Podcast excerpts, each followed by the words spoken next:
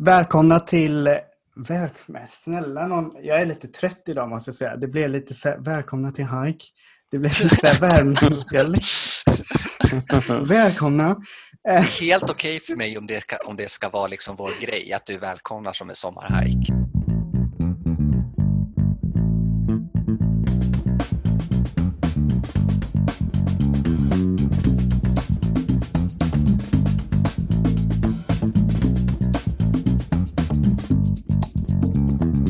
Välkomna till Fysiosnack med mig Peter Lindberg och tillsammans med mig har jag eh, Fredrik Nordin och Daniel Pantelic. Hallå! Tjena, tjena! Tja! Och ja, vi är tillbaka kan man säga med den här podden efter ett litet kort eh, avbrott på fem år sådär. Men nu är vi tillbaka i alla fall. Jag tänkte så här att eh, Eftersom vi är nya så kan vi börja med en kort presentation av oss själva. Eh, så att jag kan börja med mig själv. Peter Lindberg heter jag då som sagt, är fysioterapeut, eh, tog examen 2013 från Karolinska institutet och har jobbat sedan dess inom primärvården och jobbar för närvarande på Aleris Rehab i Flemingsberg. Håller på att specialisera mig inom smärta och sitter även med i smärtsektionens styrelse via vårt eh, förbund. Fredrik, vem är du? Eh, Fredrik heter jag och också fysioterapeut. Jag är klar sedan 2012 Eh, och har jobbat framförallt inom primärvård jag med och är sedan drygt ett halvår tillbaka färdig specialist i fysisk aktivitet och idrottsmedicin. Men just nu är jag faktiskt föräldraledig men kommer väl sen gå tillbaka till primärvård igen. Så det är jag. Mm. Det är min tur då. Jag är Daniel, eh, kiropraktor sedan 2010. Eh, har ett eh, specialintresse då för senrehabilitering och långvarig smärta. Eh, jag jobbar på Handens vårdcentrals rehabenhet och där har jag jobbat sedan år 2013. Så det är väl lite vem jag är. Trevligt, så där har ni oss då i Fysiosnack. Och vad är vår tanke med den här podden då? Ja, huvudsakligen hade vi tänkt att vi skulle utgå ifrån en vetenskaplig artikel och diskutera denna kort och gott ganska rakt på sak. Men sen kanske vi kommer ha någon intervju eller något annat upplägg eh, någon gång. Det får vi se. Har ni någonting som ni tänkt på där? Nej, det låter bra. Det är väl så vi har tänkt. Får vi se om det blir så också. Ja. Men vi går väl direkt in på dagens ämne som vi tänkte diskutera idag då, vilket är akut ländryggsmärta eller också känt som akut lumbago eller ryggskott. Eh, har ni någon erfarenhet själva av detta besvär, ryggskott? Lyckligt lottad, så jag har aldrig råkat ut för det. Lite småont i ryggen men aldrig någonting som kan, skulle kunna klassas som ryggskott eller akut lumbago eller så. Så peppa peppar ta i trä, haft tur. Mm. Jag har haft två. Eh, min första när jag var 12 år och sen hade jag ett också i tonåren. Eh, sen dess har jag varit helt fri från det. Snyggt. Peppar peppar. Skönt. Eh, jag har inte heller haft något sånt där rejält ryggskott. Däremot så har jag lite nackspärr idag känner jag. Men det är, eh, får vi prata om någon annan gång kanske. Eller hur, det blir nackspärrsartikeln sen. Ja, precis.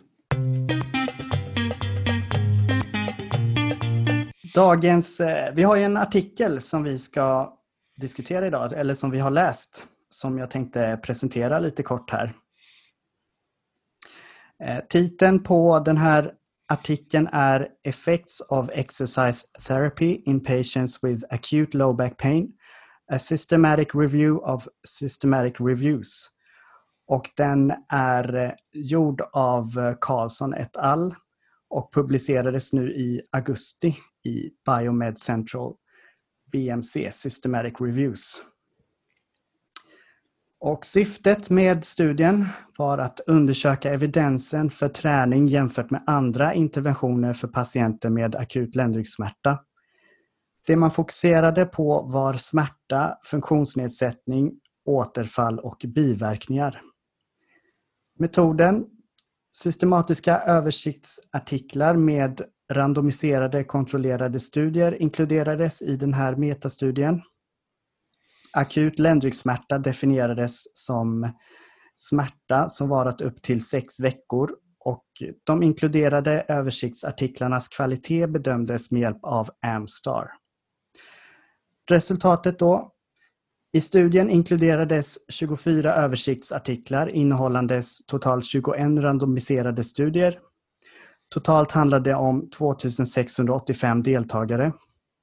Träningen delades in i tre olika kategorier. Generell träning, stabilitetsträning och McKenzie-träning. Träningen pågick i allt från tre dagar upp till åtta veckor. Träningen jämfördes i de olika studierna med sedvanlig behandling, råd, informativ folder, behandling av husläkare, läkemedelsbehandling, manuella behandlingar, vila, placeboultraljud och ingen behandling.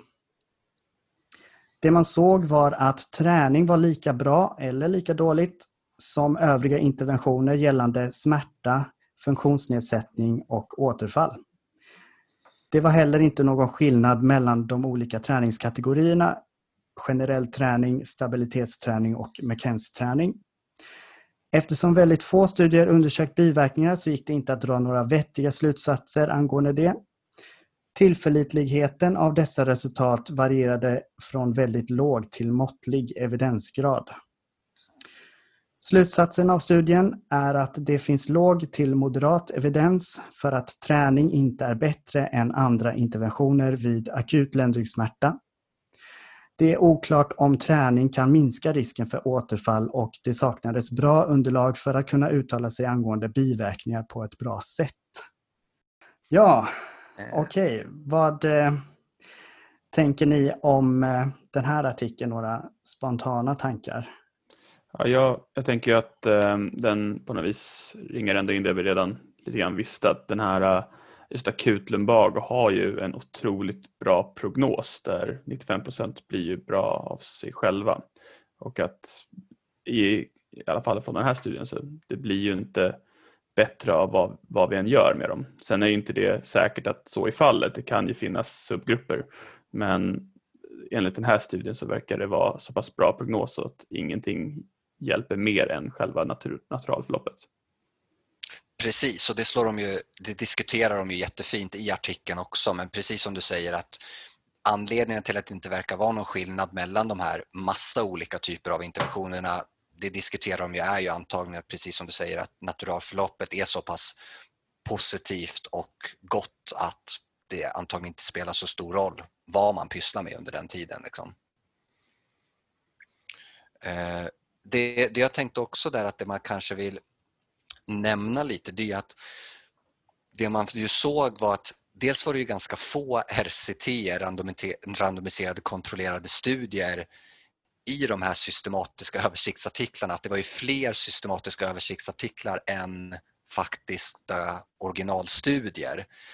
Eh, och att de dessutom då sen, en av de här eh, randomiserade kontrollerade studierna som gjordes 1993 som hade knappt 500 deltagare att ingen av liksom de följande eh, originalstudierna har matchat det deltagarantalet så att det är ju faktiskt ganska dåligt beforskat för det beskriver de ju också där att man har inte kollat så himla mycket på återfall liksom på kort sikt och lång sikt och så så att ja, mycket är svårt att dra slutsatser om just för att det inte har gjorts någon så himla vettig forskning på det faktiskt. Ja, man kan ju undra vad det beror på, om det finns något, att det inte finns någon vinst i att behandla de här. Alltså, vad skulle det löna sig att forska på att det här går över av sig själv? Det, det kanske har gjorts studier men man har inte publicerat dem för att man inte fått fram någon data som man tycker är värt att publicera för sitt eget, egenintresset. Då. Ja, den risken så med publication bias finns ju alltid, att det kan liksom begravas lite om det inte visar tillräckligt intressanta resultat.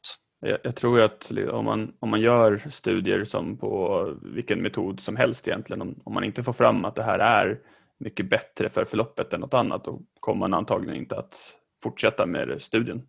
Det ser man ju direkt i resultatet och man slutar väl skriva på det när man märker det. Absolut, så kan det ju vara. Var det något du har tänkt på Peter med studien? Uh, nej.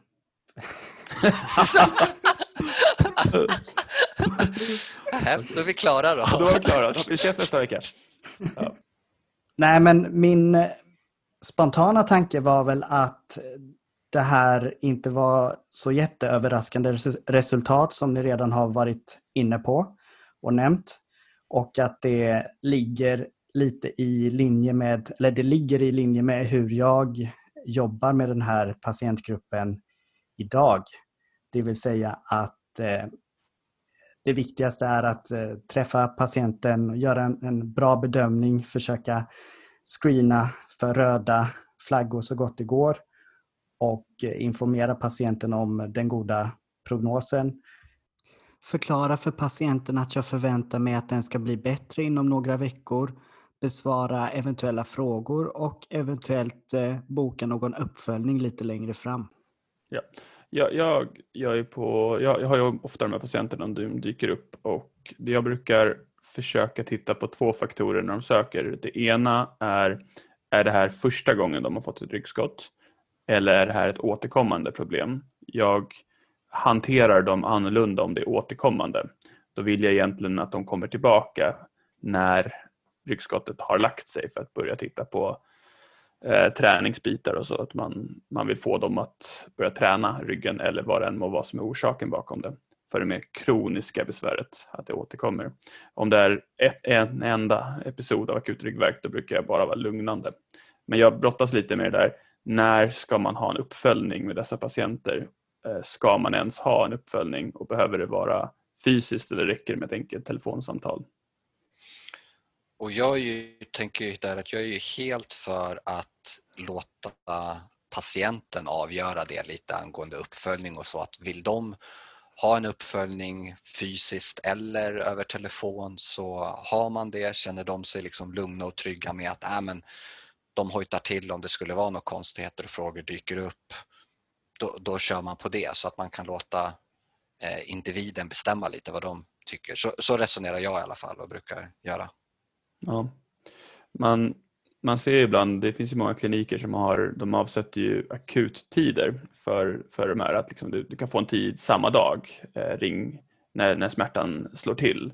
Och det blir ju, jag, jag, tänker att de här patienterna antagligen är rätt mottagliga för förklaringsmodeller och att man skulle kunna råka befästa en sån hos de här om man, vad, vad det än må vara för förklaringsmodell bakom det.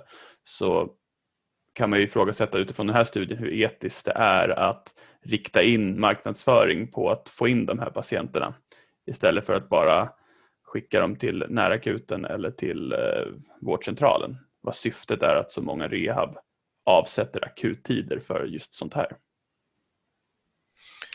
Man kan väl tänka sig att det finns ett syfte med att träffa de här patienterna relativt snabbt för att just ge dem den här informationen att det kommer bli bättre eh, så att de har med sig det tidigt eh, och inte, ja vad ska man säga?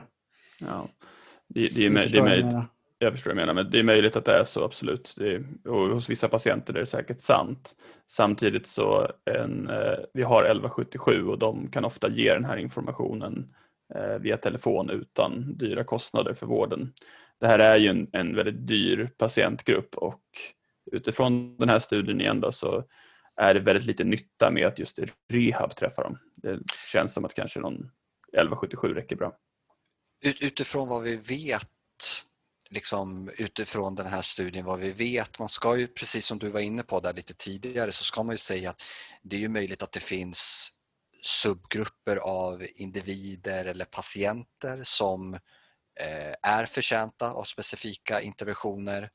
Det är ju också möjligt att det finns någon typ av mer specifik intervention, till exempel någon specifik typ av träning som skulle kunna eh, ha en påverkan som man inte har sett för att det till exempel har klumpats ihop i paraplybegreppet generell träning och därför inte syns vad det kan göra. Men precis som du säger, utifrån den här studien så ja, då, då verkar det ju inte spela eller behövas men vi vet ju inte riktigt om det kan ju finnas för några det spelar roll eller att det finns en intervention som kan skynda på.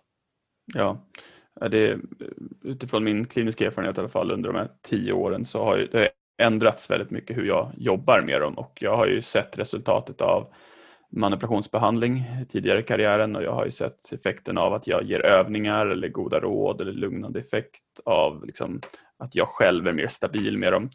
Jag har inte sett någon skillnad eh, på mitt resultat med patienterna eh, från egentligen när jag var helt ny till nu när jag är mer erfaren. Vilket får mig ändå på något vis att säga att det inte spelar roll. Sen såklart det kan finnas en subgrupp men jag har aldrig gjort någonting som jag tycker ger en så mycket större, så stor skillnad. Eh, men det är min egen erfarenhet. Det är möjligt att jag bara är dålig med dem. Men de, de brukar vara nöjda, konstigt nog.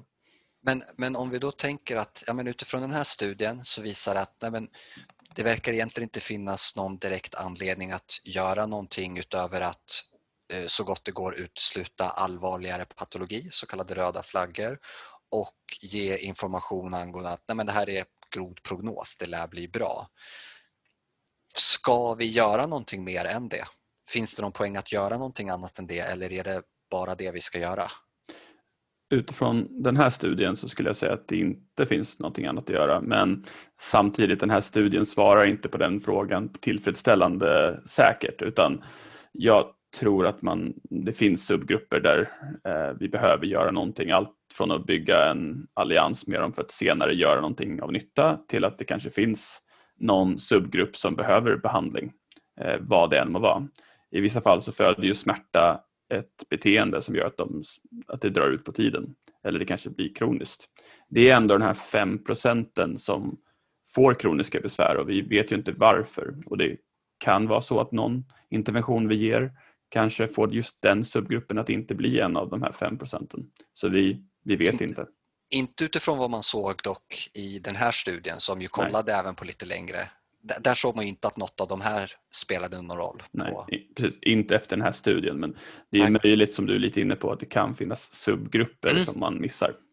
Eh, och det är intressant och sådana studier borde man göra och det är ju, som du nämnde tidigare, det har gjorts väldigt få originalstudier med eh, mer än 500 deltagare sedan 93. Så det behövs ju mer forskning som tittar på det men utifrån det vi diskuterar idag så vet vi inte att det finns något sånt. Och därför kan vi inte säga att det finns något sånt. Och det är lite intressant för det är det de lyfter i den här artikeln också att eh, de slår ju till och med fast att det kanske inte egentligen finns någon anledning att fortsätta hålla på och forska på träning eller olika interventioner för liksom smärta, funktionsnedsättning och det vid akut eh, ländryggsmärta utan att mer fokus i så fall skulle läggas på forskning om vad kan man göra för att minska risken för återfall och så. Eh, mm. Och det, det, lyfter de ju i den här studien också vilket ja, är sympatiskt tycker jag. Ja, och också väldigt korrekt skulle jag tro. Jag tror att det, det, är väl ändå den viktigaste slutsatsen vi får av det här att just de här 95 procenten som blir bra, ja det kanske inte är någonting vi egentligen behöver bry oss om. En, ett bra bemötande är antagligen det som behövs. Men för de här 5 procenten så kan det ju finnas eh, någonting som vi gör som är viktigt och det är väl det vi borde få mer data på. Då. Vad tänker du Peter? Jag tänker att eh, säg att vi har en patient eh, med akut ländryggsmärta som ni träffar och som har en förväntning om att få övningar av er när de träffar er för att han tror att det kommer att, att hjälpa. Vad, hur ställer ni er till, till det då? Det beror på patienten. Ehm, känner jag att de är mottagliga för att få lite liksom kunskap kring det i den smärtan de är. Ibland har de ju väldigt ont och då egentligen gör det som funkar kan man väl känna då tills man kan göra någonting annat. Men eh, jag tror att om man får in en sån här akut rändningssmärta så kan man förklara för dem att det spelar ingen roll men de här övningarna skulle antagligen vara smärtlindrande. Eh, och säga det, det påverkar inte förloppet men det kan göra att det känns bättre under perioden. Fast enligt den här studien så är det inte så funkar ju de här bitarna inte ens för smärtlindring på kort sikt. Nej, men pragmatiskt, Nej. absolut, enligt studien. Men, men eh, när man har patienter så är det fortfarande att, att göra någonting kan kännas bättre än att inte göra någonting alls det, det är det här subgrupperna vi pratar om, vi, vi vet ju inte. Och det, jag tycker man, med, när man jobbar länge så tycker jag ändå att man, man får en känsla för att okay, den här personen behöver någonting. Um, och så ger man det och det finns ju ingen skada i att ge det. Uh, men då behöver man ju också följa upp sin åtgärd.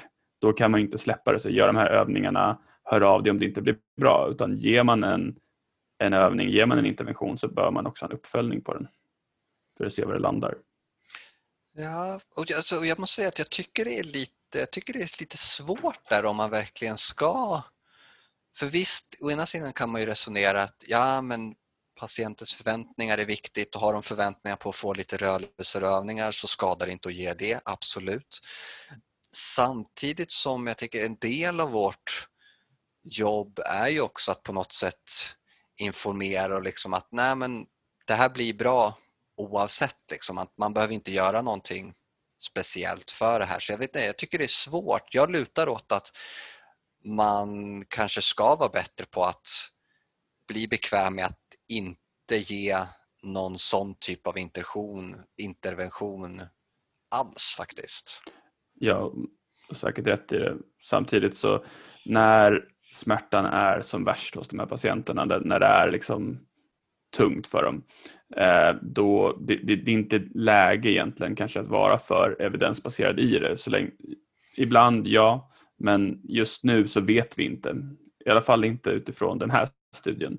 Eh, vi vet inte om det är bättre eller inte. Den tittar ju på det lite grann, eller den tittar på det ganska mycket men den kan ju egentligen inte säga med säkerhet att det inte är bra. Eh, jag upplever att det inte spelar någon roll vad vi än gör. Så studien bekräftar hur jag upplever det. Men samtidigt så jag, jag skulle säga att ibland har jag ändå haft patienter där jag tycker att ja, jag ger någon övning som gör att de rör på det området som de verkligen håller tight på grund av att det gör ont och de verkar känna sig lugnade av den övningen. Då tar jag de här diskussionerna om god prognos och sånt lite längre fram. Jag, jag ger bara en övning i början och försöker lugna dem så gott det bara går. Ja, och det, det gör jag också, men tycker det är intressant att fundera på om även det är en typ av överbehandling och övermedikalisering och att man skulle vara bättre med att liksom, är det en akut ländryggsmärta, inga tecken på att det är någon allvarligare patologi, det är kanske inte någonting som ska göras någonting med överhuvudtaget om det inte är så att det, liksom, det fortsätter vara besvärligt. Ja. Eh, ja, jag, jag, tycker den är lite... Ja, ja det kan det vara så. Absolut. Det kan absolut vara så. Det är bara att inte, vi vet inte att det är så än. Eh, men det kan vara så. Det, det, blir spännande att se om de kan ändå göra fler sådana här studier. Som vi sa, det saknas studier. Så är det. Ja, men återigen, det, det är ju främst därför återfallet. Den här slår ju ändå, de här är ju ganska tydliga i sin eh, rekommendation att eh, man ska sluta hypa träning vid ländryggsmärta och att det inte finns någon anledning att just göra något så mycket mer i akuta fasen. Det är de ju ändå ganska ty eller ganska, det är de ändå väldigt tydliga med i den här studien och jag tycker som sagt att ah, det är intressant och det är kanske något vi borde ta till oss mer, gemene man som terapeuter. Liksom. Ja, och säkert vi, vi, vi, snurrar lite runt samma punkter men hur, hur jag ser på det i alla fall och jag, hur jag tänker är att jag tror att man får lite grann känna efter med varje patient hur man upplever att den är och sen lite grann vara pragmatisk där. Jag, jag, jag förstår vad du säger om evidensen att vi inte egentligen har belägg för att göra någonting alls och alla övningar vi gör är en intervention. Jag tror att man ska vara pragmatisk ändå och liksom försöka känna av Eh, sen så, jag har ingen evidens som backar upp det, jag har, jag har bara min erfarenhet av det. Jag skulle vilja se studier som faktiskt tittar på det här specifikt. Att inte, det här har ju verkligen tittat på många interventioner, absolut, men jag skulle vilja se en kontrollerad studie där man testar att bara ge olika typer av rörelseövningar. Antingen att man gör då mot smärtan, eh, försöka hitta avlastande positioner och se om, om det gör någon skillnad. Om att till exempel då ge övningar för att göra det som gör ont för att få också det mindre smärtsamt efteråt. Eller om man ska försöka rikta in dem på att göra, undvika smärtan. Om de två sakerna gör en skillnad. Mm. Ja, det, det, hade varit ja. intressant. Men den här studien tittar inte på det, tyvärr. Eh, inte det, men det är ju, jag har inte grottat ner mig i varenda originalstudie. Det är ju teoretiskt, det är ju möjligt att någon liten studie kan ha kollat på det delvis. Eh, men i så fall lär ju det ha försvunnit i massan. Ja, så kan det vara.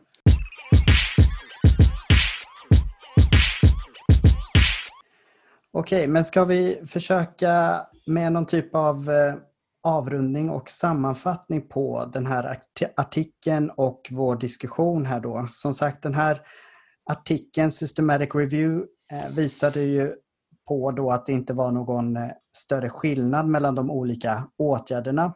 Att träning verkar inte vara så mycket bättre än en annan typ av åtgärd. Och det tänker man då troligtvis ha att göra med naturalförloppet, den goda prognosen för akut ländryggsmärta som vi har diskuterat här nu då. Och huruvida man då som vårdgivare ska eh, ge någon typ av åtgärd eller träning eller ska man bara ge råd, information och sen får de försöka klara sig själva och återkomma ifall det inte skulle bli bättre?